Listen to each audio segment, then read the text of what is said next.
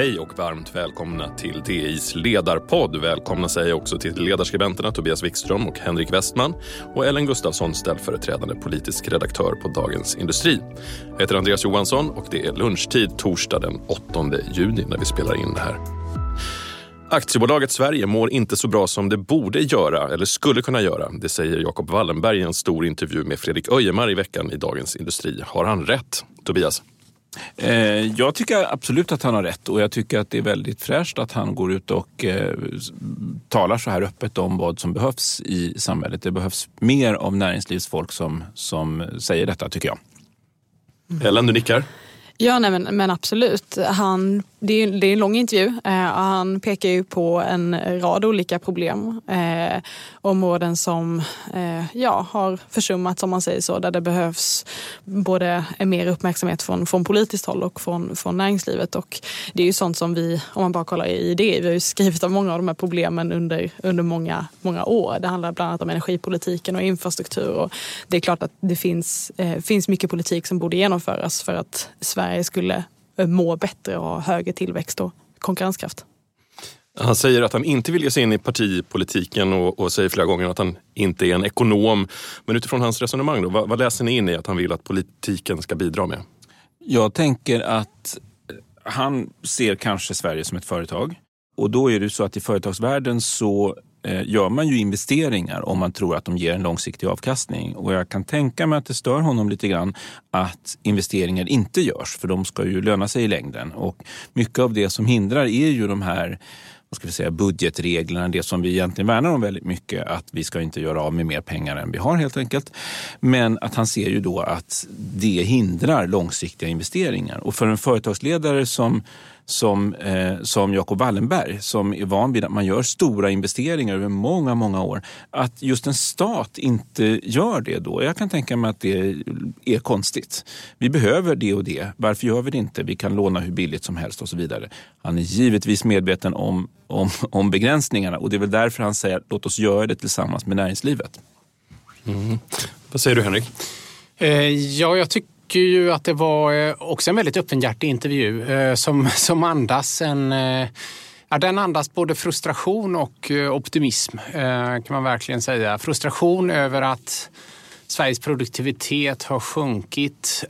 Att som Tobias var inne på, flera viktiga områden har man inte investerat i så som man borde ha gjort. Han kom ju in på det här med elförsörjningen bland annat. Eh, men sen tycker jag också att det finns en, eh, får man inte glömma, det, är, det finns någon sorts grund, grundoptimism i det. Att det är ändå företagen som sitter på lösningen och får företagen och näringslivet rätt förutsättningar så kommer nog Sverige återigen att så att säga återfå sin fornstora glans. Vilken typ av investeringar är det som näringslivet ska gå in i här? Vad är det vi ska bygga för någonting? Är det höghastighetsbanor eller vad är det för något? Eh, ja, men eh, han är ju framförallt då inne på järnvägen. Eh, han är också inne, inne då på, eh, på energipolitiken, eh, till exempel stamnäten. Och eh, det är klart att vi har ju en, eh, ja, en järnväg i Sverige som har varit eftersatt. Det har eh, behövts investeringar och det har inte eh, hållit igång i den, i den takten som det har behövts. Och det finns ju många exempel på det. Malmbanan Banan är ju eh, ett sådant där vi också har eh, skrivit många artiklar om det, det kring eh, ja, konflikten som är just nu i norr där det är osäkert om, eller det framställs i alla fall som att man inte kan släppa in fler nya aktörer och det beror bland annat på kapaciteten och underhållet i, på Malmbanan. Och som sagt, det här gäller då på, på andra sträckor också i Sverige. Så det är klart att det behövs, behövs mer pengar där. Och sen energipolitiken, det är ju liksom ett uppenbart exempel.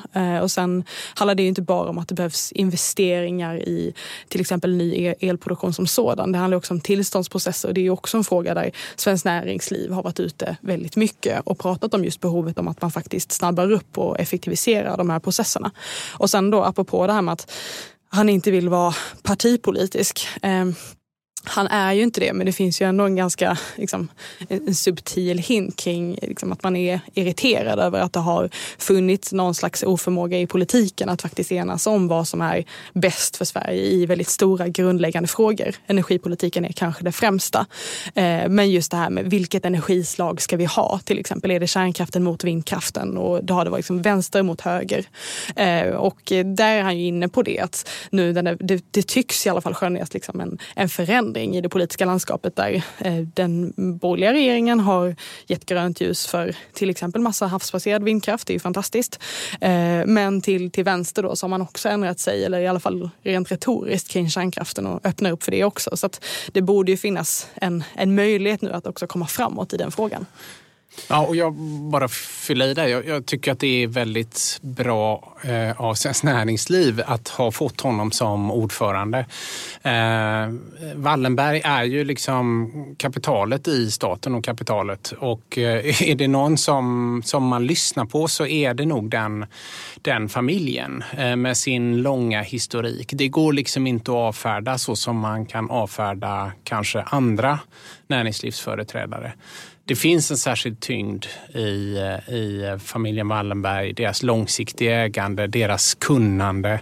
De, de, vet, de vet vad de pratar om och eh, de vet vad de behöver. Och det tycker jag också är så intressant, för han återkommer ju ofta till det. Hur, hur bra och fantastiska många av de här företagen i den sfären är. Atlas Copco bland annat är ju ett som man pratar varmt om. Och den enorma konstruktiva kraft som finns i företagen och den omställning som sker och just då att det är så viktigt att de får eh, rätt, rätt förutsättningar. Och de blir ju också mer och mer internationella. Det tycker jag är intressant.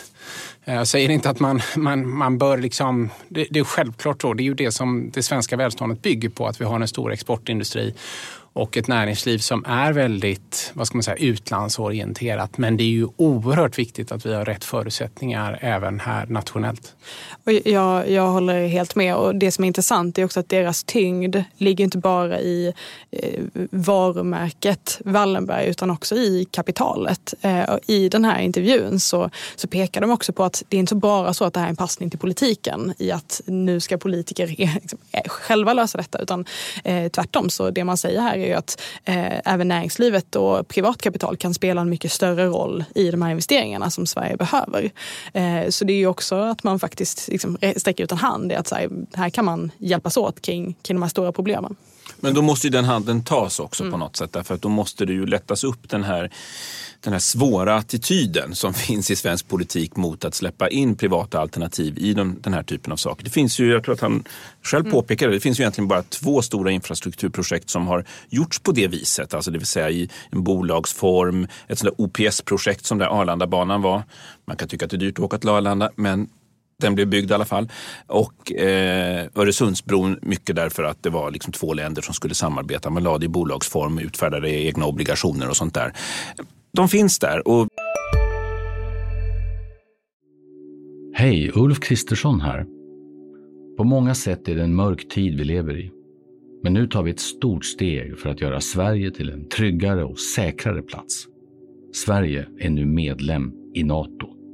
En för alla, alla för en. Där det finns ett samhälle, där finns det brott. Krimrummet är podden som tar brottsligheten på allvar.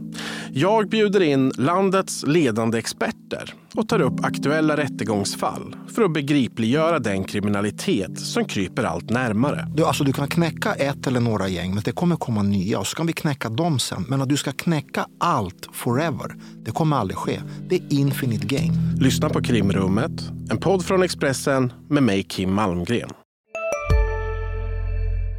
Vi kan inte tänka oss en tillvaro utan dem. Och sen tog det slut. På 20 år har ingenting sånt hänt. Sveriges roll då i ett internationellt sammanhang och svenska företag, hur, hur, hur ser han på det? Hur, hur konkurrenskraftiga är vi?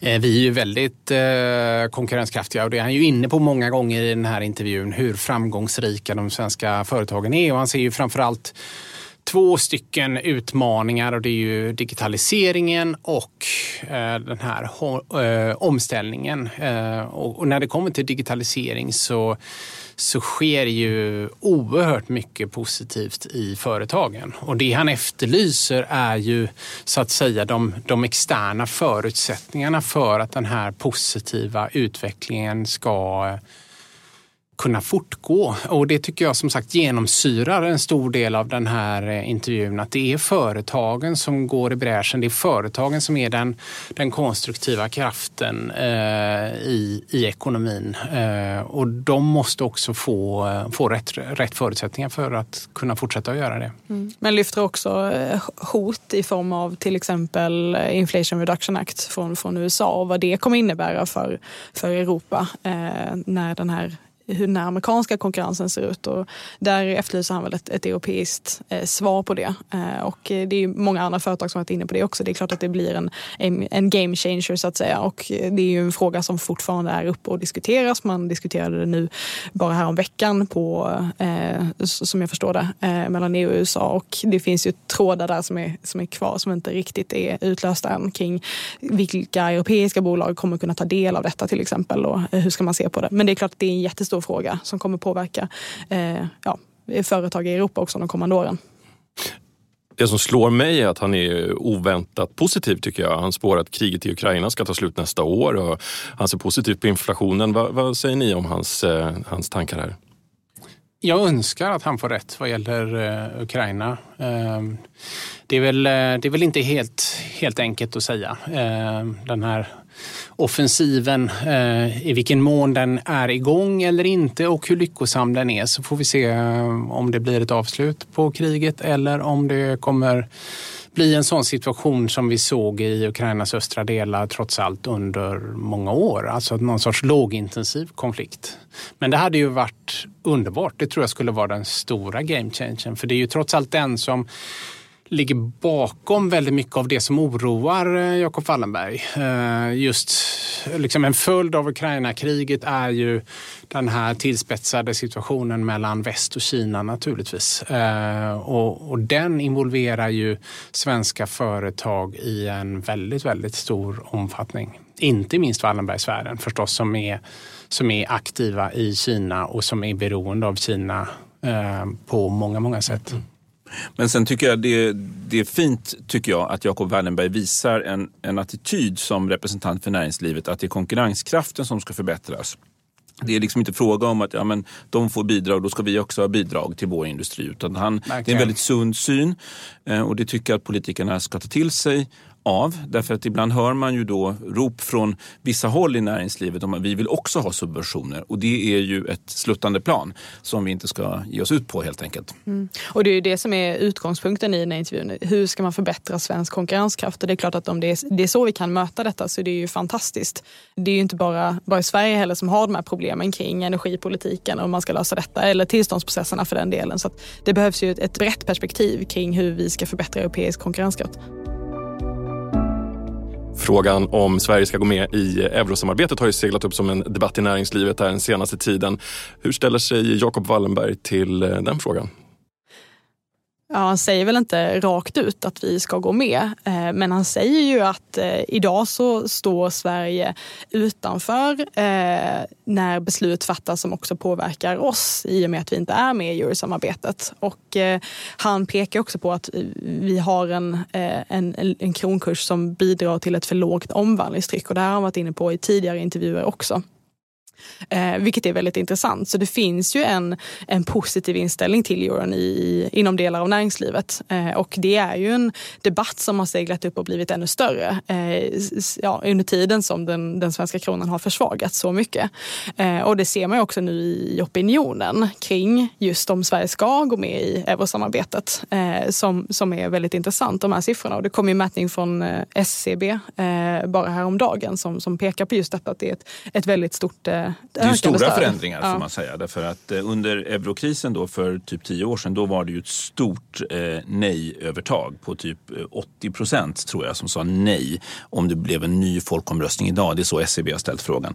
Och det, eh, om jag tar med glasögon så jag ser det här lilla diagrammet så står det då 50 procent nu. Alltså 50 procent bara säger nej och ja, eh, siffran har stigit då till 30 procent. Och eh, i det här diagrammet som inte syns nu naturligtvis så är det ett stort gap som har minskat. Eh, det kanske stannar där, vad vet jag, men det är i varje fall en signal till politikerna att ja, men vi kanske kan våga prata om det här. För frågan har varit blockerad i så många år eftersom det blev ett så tydligt resultat i folkomröstningen 2003. Så jag tycker att eh, politikerna ska lyssna på Jacob Wallenberg och titta på det här spännande diagrammet från SCB. Och det har varit lite väl enkelt för politiker idag att avfärda hela den här debatten genom att säga att det finns inget som helst folkligt stöd för euron. Och det vi ser nu är ju att det sker stora förändringar och det borde ju också öppna upp för en, för en, en större politisk diskussion kring detta. Eh, och det som är intressant är ju, nu är vi ja, eh, lite mindre än ett år ifrån ett eh, Europaparlamentsval. Eh, det är väl ungefär den, den enda tiden i Sverige som vi på riktigt kanske har ett utrymme att diskutera Europafrågor, sorgligt nog. Eh, och eh, det här är ju ett intressant inspel i en bredare Europadebatt som ändå har seglat upp i, i Sverige. Eh, framförallt efter att Jimmy Åkesson skrev en debattartikel eh, som öppnades upp, eller som tolkades då av vissa som någon slags svexit eh, debatt. Och eh, där har ju Svenskt Näringsliv också varit ute och skrivit debattartiklar, bland annat i DI, eh, om just eh, allt det fantastiska som eh, e EU-medlemskapet har inneburit i Sverige och det är ju är helt otvetydigt och det är ju eh, Jakob Jacob Wallenberg också inne på i den här intervjun. Så att det är intressant om euro, eurodebatten i sin tur kan bli någon slags fördjupning av en, av en svensk debatt i vad vår roll ska vara i Europa. Och politikerna tycker det här är jätteläskigt med den här eh, debatten och de får nog huvudvärk bara av att tänka på att man skulle ge sig in i det här igen. Men man kanske ändå ska börja öppna för en sån debatt. Det är sommar nu, svenskarna kommer att ge sig ut i Europa. Eh, Den här svaga kronkursen kommer ju märkas bokstavligt. Alltså först är det dyrt här hemma på grund av inflationen och sen så åker man ut i Europa och inser vad är det för valuta vi har egentligen? Det ger ju inget självklart svar på om vi ska gå över till euron eller inte. Men det får nog väldigt många svenskar att fundera över svenska kronans konkurrenskraft. Det räcker med att åka över till Köpenhamn som eh, har, eh, där Danmark har en peggad valuta mot euron så märker man ju de här, de här förändringarna. Frågan lär bli ständigt aktuell framöver där man kan man konstatera då helt enkelt Ellen Gustafsson, Tobias Wikström, Henrik Westman. Stort tack för att ni var med här idag. Missa inte DIs andra poddar, Analyspodden, Digitalpodden och Makrorådet. Jag heter Andreas Johansson, ansvarig utgivare det är Peter Fällman. Tack, hej.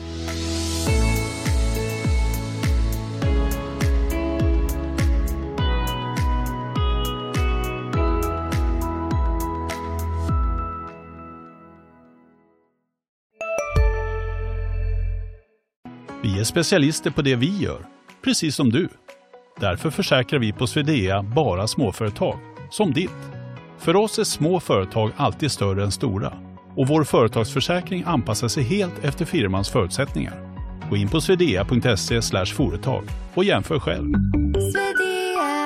Hej, Synoptik här. Hos oss får du hjälp med att ta hand om din ögonhälsa.